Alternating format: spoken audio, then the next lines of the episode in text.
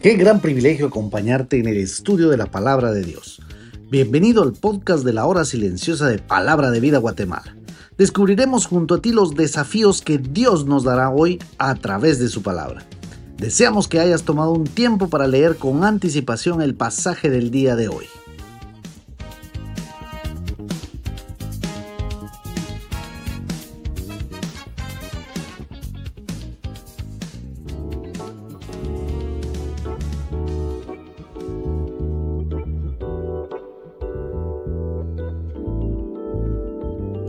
Qué bendición reunirnos para que juntos aprendamos del consejo que la palabra de Dios trae para nuestras vidas. En el comentario de la hora silenciosa de Palabra de Vida, Guatemala. Hoy arrancaremos en el libro de Proverbios capítulo 1, de los versículos 1 al versículo 9. Te saluda Ronnie Ajín y para mí es una bendición llegar hasta la intimidad de tu hogar. El gran predicador Carlos Spurgeon dijo en una de sus frases célebres que el sermón principal de tu vida lo predique tu conducta. Yo le colocaría tu forma de vivir también o cómo te conduces en esta vida. El libro de Proverbios está basado en dichos y frases basadas en una gran experiencia que el rey Salomón expresó a su hijo, muy probablemente Roboam, y al pueblo de Israel. El libro personifica a la sabiduría y a la insensatez, y cómo el ser humano tiende a inclinarse a uno de estos lados. Estos dichos no son solo sabiduría intelectual, en ellos hay sabiduría divina, que el día de hoy pueden hacer sabio a todo al que no lo es.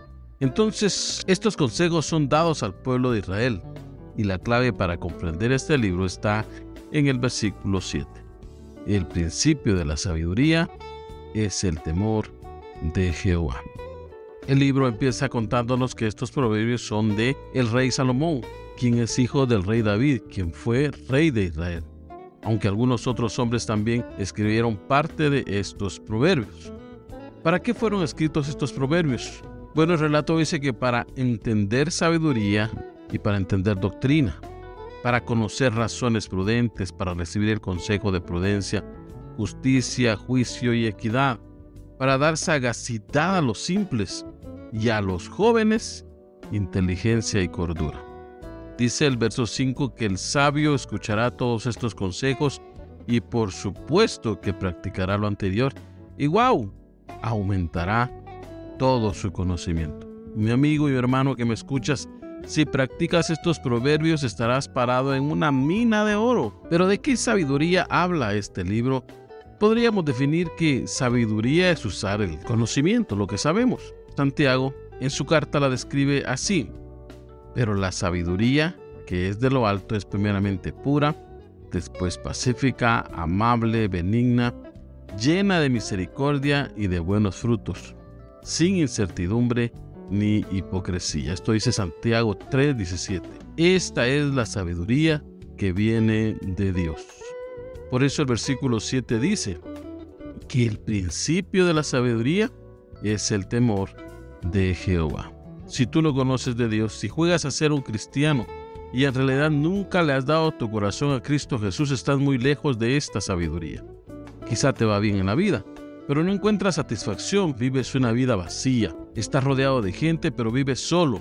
Esta vida no te satisface. No esperes más, dale tu corazón al Señor. Y entonces tu concepto de sabiduría cambiará. Pero si no haces lo correcto, se te compara a un insensato, a un necio que desprecia la sabiduría y la disciplina. Santiago 4:17 lo dice de esta manera, y al que sabe hacer lo bueno y no lo hace, le es pecado.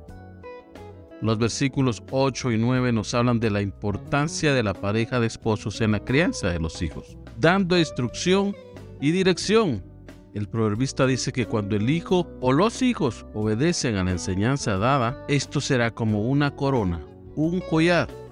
Esto dará al hijo gracia delante de Dios y por supuesto de los hombres. Por eso viven. ¿Quieres ser un hombre sabio o una mujer sabia? Busca a Dios. Este es el tiempo de acercarse a Él. Mateo 11, 28 dice, venid a mí todos los que estáis trabajados y cargados, y yo os haré descansar.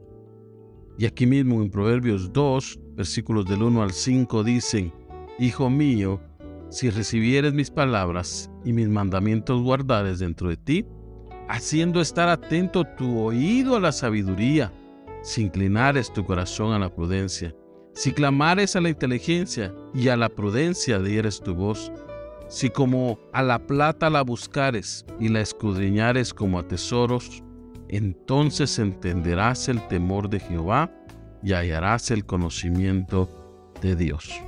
Así que sé sabio y practica la sabiduría. Y no olvides que el principio de la sabiduría es el temor de Jehová. Que el Señor te dé una hermosa semana para su gloria. Dios te bendiga.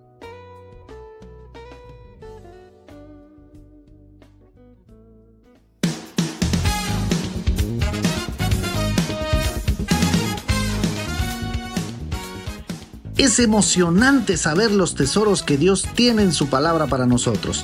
Ayuda a tus amigos a que descubran la voluntad de Dios para su vida. Comparte este podcast con ellos. No olvides seguirnos en nuestras redes sociales.